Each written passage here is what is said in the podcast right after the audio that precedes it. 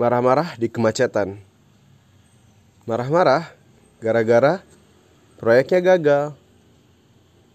Sedih karena ternyata gebetan suka orang lain. Sedih karena lahir di keluarga yang gak harmonis, yang miskin, yang toksik. Tahu gak kesamaan dari hal-hal yang barusan gue sebutin? Semua hal yang gue sebutin barusan adalah hal yang di luar kendali lo. Hal yang lo gak bisa kontrol. Jadi, kenapa lo harus marah, sedih? Ya bukan berarti gak boleh, Cuman buat apa kalau berkepanjangan?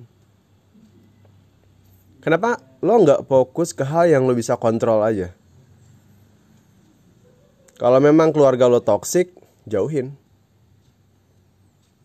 Kalau memang gebetan lo suka orang lain, cari yang lain. Cari gebetan lain. Tender lo gagal dan lo marah, cari tender lain. Apa yang mau gue bilang ke lo adalah lo jangan fokus ke hal yang memang udah nggak bisa lo kendaliin hal yang lo nggak bisa kendaliin tuh banyak banget. Lo nggak bisa ngendalin reaksi orang lain.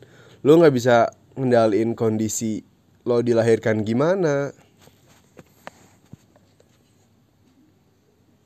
Lo kalau berusaha ngendaliin hal-hal yang di luar kendali lo bisa gila tau gak kan gila itu kegoblokan sih gue bilang.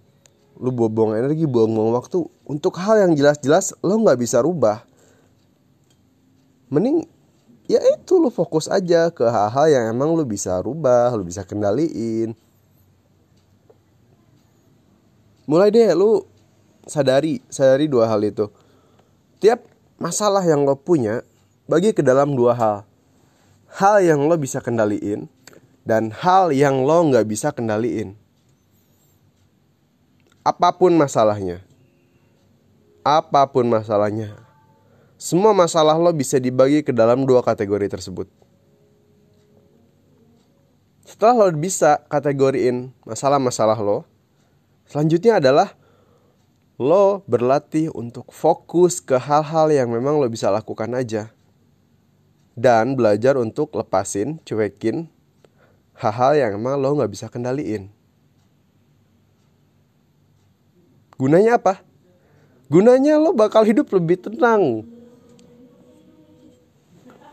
Lo bakal merasa lo bisa melakukan masalah melakukan hal-hal yang apa ya ada achievementnya juga ada jelas arahnya juga.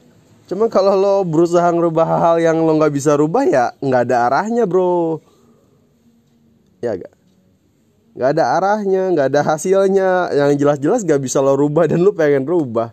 Apalagi kalau pengen ngerubahnya kayak dengan dengan jadi ngerasa marah sedih kecewa.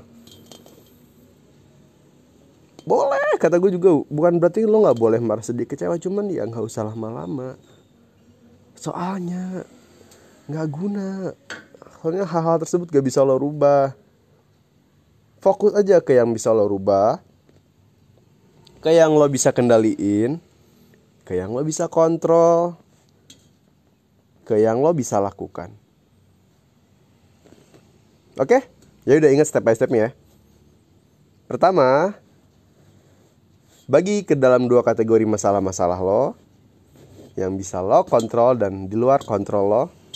Dan kedua, lakukan apa yang lo bisa lakukan. Oke? Selamat menjalani hari. Semoga kabar lo baik aja ya.